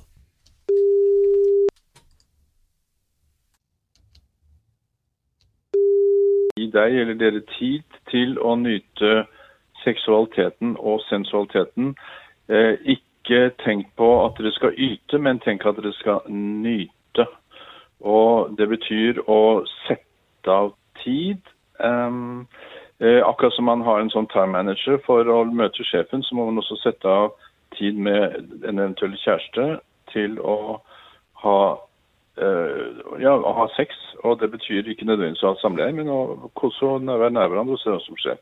Det er det som jeg syns. Altså bruke tid, sette av tid til det. Dette rådet er altså det Håkon Aars eh, vil benytte anledningen til å si dersom vi hele landet samler oss i en gymsal, spisser ørene og eh, lar oss nærmest forføre av hva denne eksperten, denne sexologen, mener at vi bør tenke mer på. Radio Norge. Jonas Inge Bergland og Helsesista, dere skal få lov til å si noe om hva kjærlighet er, for det lurer rett og slett Oda på. Oda eh, skriver først litt om sin eh, bakgrunn. Eh, Jeg er gift, jeg har tre barn, er godt etablert. Jeg har vært sammen med min mann i over 17 år, og vi har bodd sammen i over 13. Så skriver hun videre. Jeg tror jeg er ulykkelig. Lenge har jeg kjent på følelsen av at min mann føler han ble fanget i noe, at han bare må bli. Alt dette foregår i mitt hode. Vi har hatt utallige krangler om hvordan vi skal snakke sammen, og hvordan snakke til hverandre. Han har ved flere anledninger kalt meg mye vondt, og jeg har vanskeligheter med å glemme. Jeg er ikke best trent, jeg har i mange år slitt med overspising, jeg kvier meg for ulike aktiviteter fordi utgangspunktet mitt er så dårlig. Han uttaler tydelig at dette er noe han setter mindre pris på. Når jeg trener eller går ned i vekt, så setter han mer pris på det, og stemningen mellom oss er bedre. Som om det er der verdien min ligger. Selv trener han målbevisst flere ganger i uka, er opptatt av å spise riktig. Vi sliter med kommunikasjon, og han sier at jeg overdriver. Hodet mitt jobber på høygir, alene. Nå er han ute på reise, han kommer ikke tilbake før på tirsdag. Jeg har sendt han en melding og sagt at jeg er ulykkelig, og at jeg føler at eh, han ikke vil mer, og at vi må snakke sammen. Da svarer han at han vil være med meg, og at han elsker meg. Har dere noen råd til hva jeg skal tenke, gjøre, mene, føle? Jeg har et følelsesrikt indre liv som han ikke forstår. Hvordan skal jeg håndtere det, da? Dere kan kalle meg overkjørte Oda. Jeg syns ikke Oda høres så overkjørt ut, men hun øh, høres ikke ut som hun er så sett og hørt, eller forstått, kanskje, av sin mann, da. Men hva skal Oda gjøre nå fram mot tirsdag, og gjerne også etter tirsdag? Mm, det er litt breialt å tro at vi klarer å fikse det her nå på seks minutter. Så jeg tipser henne om at eh, hun må overbevise mannen sin om at de skal dra i parterapi. Ja. Så de får snakka ut med en uh, proff en, og så får man sagt ting som man kanskje ikke ville sagt i en setting med bare de to, fordi at man er redd for at uh, det skal eskalere i feil retning. Mm. Så um, det Ja. Jeg ser ikke egentlig noe annen uh, måte å løse det på enn å faktisk uh, snakke med en profesjonell. Og det er egentlig ikke så Det er mange som syns det er flaut, men det syns jeg man bør eh, måtte koste på seg. Og um, Og det, altså, det koster jo ingenting. det er jo gratis å gå på familievernkontor også og snakke. Når man har barn sammen nå, så er det, det er bare å ta kontakt med familievernkontor der man bor, og så uh, si at man uh, trenger samtale. Det er noen som Eh. ser på det som litt sånn svakt, men det er vel noe av det mest ressurssterke man kan gjøre. Å ta tak i ting som andre lar bare seile av gårde. Ja, dette er jo sånn typisk tabuting, og det er, sånn, det er jo veldig rart at det, vi sender bilen jevnlig på service. Liksom. Nei, nå har han gått 150 000 km, nå skal han ha stor service. Mens eh, når du har vært sammen i, i noen år, eller når du har fått noen barn, så skal man skal liksom ikke man skal, Det skal man fikse på egen hånd. Tenk hvis du skulle begynne å drive og skru på bilen. Jeg har ikke kompetanse på det, i hvert fall. Nei.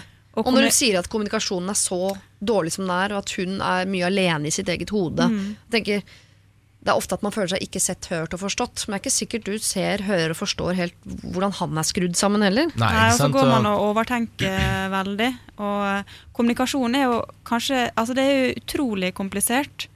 Eh, og hvordan vi lytter til hverandre, hvordan vi snakker sammen og snakker til hverandre, og ord vi bruker som eh, enten kan eh, invitere til forståelse eller, eller invitere til konflikt. Mm. Det er veldig sånn viktig egentlig å bli bevisst på hvordan ord virker da, til den andre. Eh, og at vi ofte kom, Det snakka jeg om på min Snapchat i dag. At ofte så Sånn som hun kjenner at egentlig hun er veldig lei seg, at hun trenger kanskje trøst og nærhet. Men så kanskje kommuniserer hun noe annet. Kanskje hun er jo irritert eller sur eller sint. Mm. Sånn at hun viser ikke den primære følelsen sin, hun viser liksom sekundærfølelsen. Og, så, og det, når den andre blir møtt med liksom surhet eller irritasjon eller sinne, så, ja, så svarer de litt på samme måte. Så får hun virkelig ikke det hun trenger. da. Nei. Ja, for det er jo ikke en veldig god invitasjon inn for å, å hjelpe til å støtte og kommunisere, hvis man Så det å si, Nå har hun jo sagt at hun er ulykkelig, men, men hva betyr det egentlig? Eh, å si eh, Jeg kjenner at jeg er lei meg, liksom. Jeg, jeg går mye og tenker på hvordan vi har det, og eh, jeg tror vi trenger jeg, trenger jeg trenger at vi snakker mer sammen og prøver å forstå hverandre og eh, lytter til hverandre og hjelper hverandre og støtter hverandre. For det, som er, det er jo det som er kjærlighet, liksom. Det å Han, svarer, han sier jo 'jeg vil være med deg', og 'jeg elsker deg'. Jeg tenker Det er dumt å gi opp i dette forholdet. Når jeg syns egentlig dette forholdet høres litt ut som de ikke har prøvd skikkelig.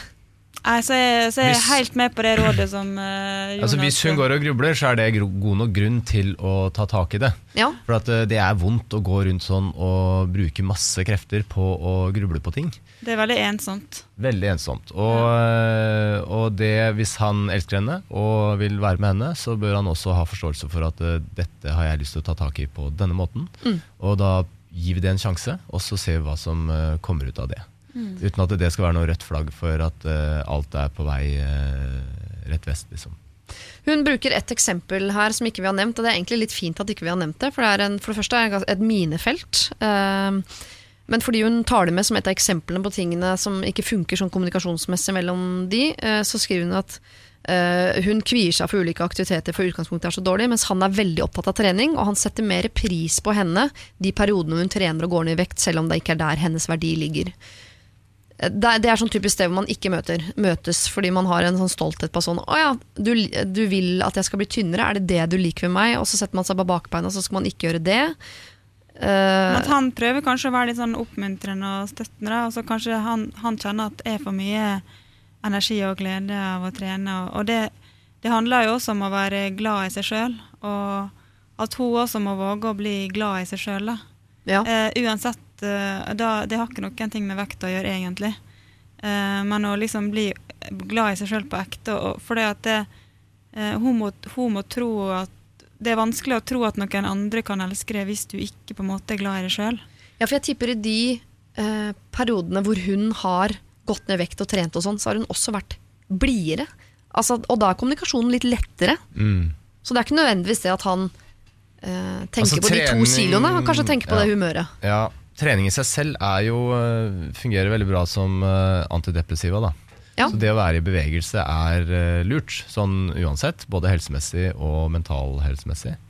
Uh, så det vil jeg uansett anbefale. Da. Men, så det kan tenkes at det har en, en sammenheng, men det skal vi ikke liksom, spekulere i. da. Jeg tenker skaff dere litt hjelp, og se om det føles riktig, og så fortsetter man med det.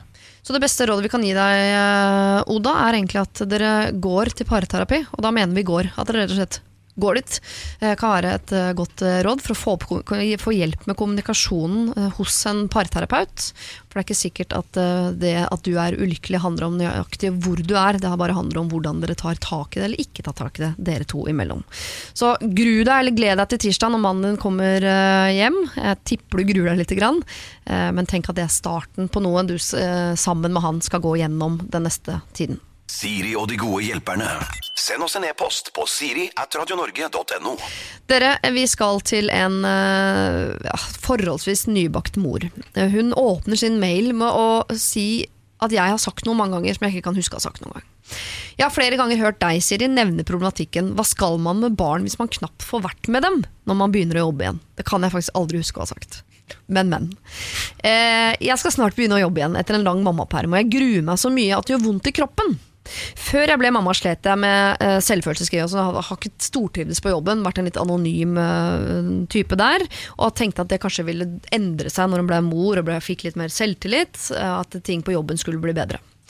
Eh, Så skriver vi videre. Jeg har det fantastiske på permisjon, og alt annet enn å ta vare på barnet mitt føles som meningsløst i forhold. Jeg er god i jobben min, eh, men tanken på at jeg aldri vil få så mye tid med barnet mitt igjen, er så vond at jeg rett og slett bare vil knekke sammen de første dagene på jobb. Særlig i en bransje der nybakte mødre ofte sier at de kjeder seg i perm og- ønsker å komme seg tilbake i jobb så fort som mulig. Jeg derimot kunne tenke meg å være hjemme mye lenger, men det er liksom ikke akseptert å si som moderne karrierekvinne der jeg jobber. Har dere noen tips eller oppløftende ord som gjør at jeg forhåpentligvis kan slutte å bruke tid på å grue meg så fælt til å begynne å jobbe igjen? Dere kan kalle meg Maria. Hvordan var det for deg, eh, Tale? Altså, du har jo da to barn. Ja, nå, eh, altså, nå kjenner jeg at jeg får lyst til å si sånn dette her er helt normalt. Ja. Eh, for det er jo faktisk det.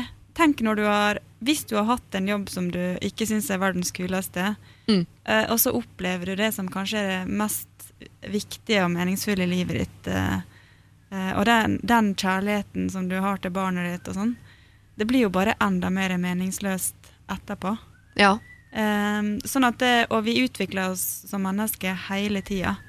Eh, og det kan hende hun nå har kommet over i en, eh, en eh, Altså, én ting er at det, dette er normalt, og de fleste gruer seg, eller veldig mange mødre gruer seg til å levere barn i barnehagen og Mm. få mindre tid sammen. Og så, og så kan, kan de oppleve at det, oi, det gikk faktisk fint. da.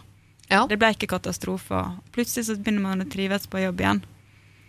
Men hvis hun har hatt en jobb som hun syns var litt kjip, eh, så vil jeg, da tenke jeg at det er helt naturlig at hun bare syns det nå bare virker det helt fullstendig meningsløst. Ja, å gå tilbake til en jobb man ikke liker, når man liker den jobben man har hjemme som mor. Og der er det også et publikum, eller altså kollegaer, barnet, som setter pris på de tingene du gjør. Men det, men det kan hende også da at hun skal tenke sånn OK, er det der jeg skal jobbe liksom videre? For Ja. det er, det er lov å slutte og kanskje se etter en annen jobb. Hva er det egentlig jeg har lyst til å gjøre? Eh, altså, jeg har jo valgt å slutte i både som Jeg har jo vært sykepleier. Mm. Eh, slutta i den jobben for å bli helsesøster. Jeg syns at det var den kuleste jobben. Eh, slutta i helsesøsterjobben min for å jobbe frivillig som helsesøster på sosiale medier. Og eh, fordi at jeg syns det var viktig og meningsfullt. da. Ja. At det, det, går an å, det går an å endre kurs, og kanskje Hva er det egentlig jeg har lyst til å bruke tida mi på? Kanskje hun bare skal si opp jobben sin og starte noe som jeg tror kanskje kan bli et marked for. En mammablogg. Folk har hatt suksess med det før. Trenger vi ikke mange flere av de? Jo, men eh, det kan jo i hvert fall hende at Maria trenger å vite at uh, det er ikke sikkert du skal tilbake til jobben din, men det er ikke sikkert heller at det å være mamma skal bli din fulltidsjobb herfra ut. Nei, nei, og på et eller annet tidspunkt så forandrer jo barna seg også og syns det er rart at du som mamma skal være hjemme 24 timer og ta vare på de mens de er på landstreff med russen, liksom. Det kan jo Men det, det, blir rart. jo, altså jeg tenker jo sånn, det er jo, Nå er jo samfunnet vårt er jo konstruert sånn at vi skal være hjemme så og så mange uker. Og, og sånn er det jo ulikt ulike plasser i verden. Mm. Eh, sånn at det jo, kan jo være også instinkt man har i seg. liksom. Når barna er så små, så har man det instinktet til å liksom være der og passe på.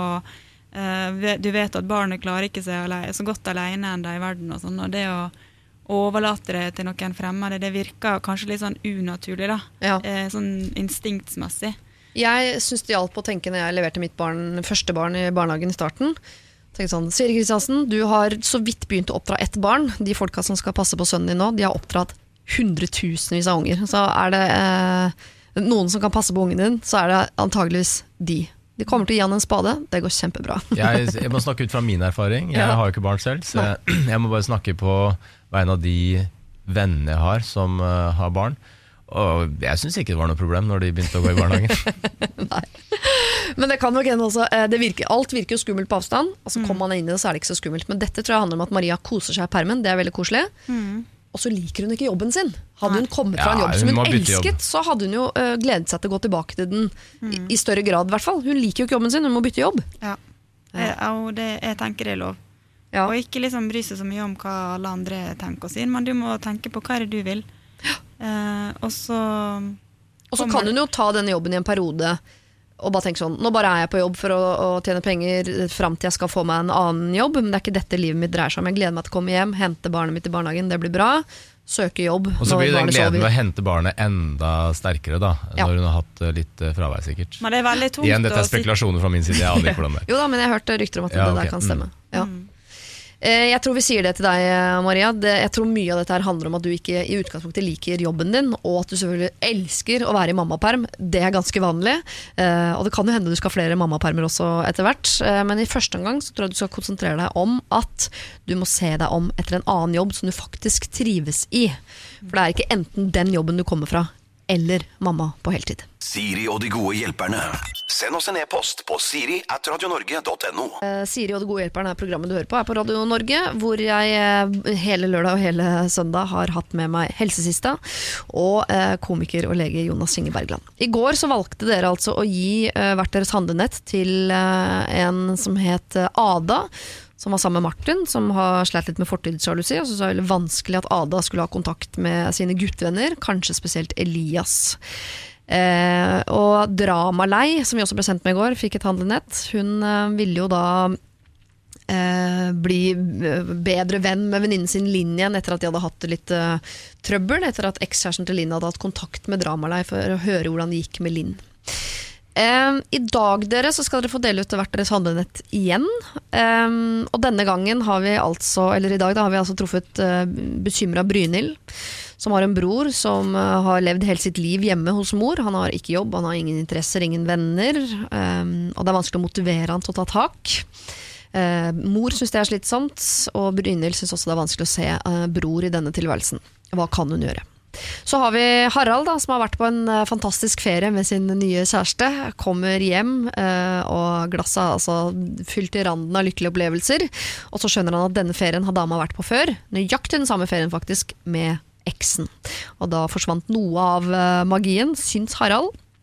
Og så har vi Oda, som er, føler seg ulykkelig i sitt forhold. Mannen er nå på jobbreise, kommer hjem på tirsdag, og hun har skrevet melding til han. Jeg er ulykkelig, jeg vet ikke om jeg vil mer. Eh, Og de sliter altså noe voldsomt med kommunikasjonen seg imellom, som ikke er så rart etter 17 år, hvis man ikke er god på det i utgangspunktet. Eh, Så til slutt her så har vi jo da Maria, som er snart ferdig med ett års mammaperm og gruer seg til å gå tilbake i jobb, en jobb hun ikke likte i utgangspunktet. Hvem eh, Er det noen her dere sitter og føler litt ekstra for? Ja, Oda. Ja? Som er så ulykkelig i sitt forhold? Ja. Ja. Hun skal få et handlenett av deg. Mm.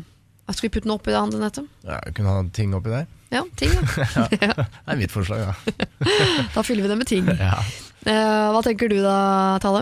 Er det stor liksom mellom uh, Oda og, og var det Brynhild? Ja, det Bekymra Brynhild? også. Mm. Mm. Ja.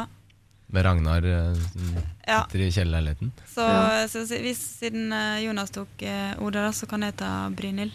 Ja. Da blir det Tanne til Oda, som er ulykkelig i sitt forhold, og Brynhild, som gjerne vil eh, hjelpe sin bror, og egentlig også sin mor, med å få bror ut av leiligheten. Eh, nå skal dere få lov til å gå tilbake til deres hverdag som helsesøster på, på nett, og som komiker og lege, og hjelpe folk på den måten. Eh, jeg skal fortsette å prøve å hjelpe folk her på radio. Så til sammen så kanskje vi klarer å skape en bedre verden. Hva tror dere? Ja, Nå er vi på vei Ja. mot eh, mitt, eh, mitt ønske. da. Ja, En verden som var eh, uegoistisk og fri for malaria. Tuberkulose. Tuberkulose var det vi Mm. gikk for, ja. ja. Ha en eh, fortreffelig helg videre, da, dere. Ha det bra. Ha det. Dette er Siri og de gode hjelperne på Radio Norge.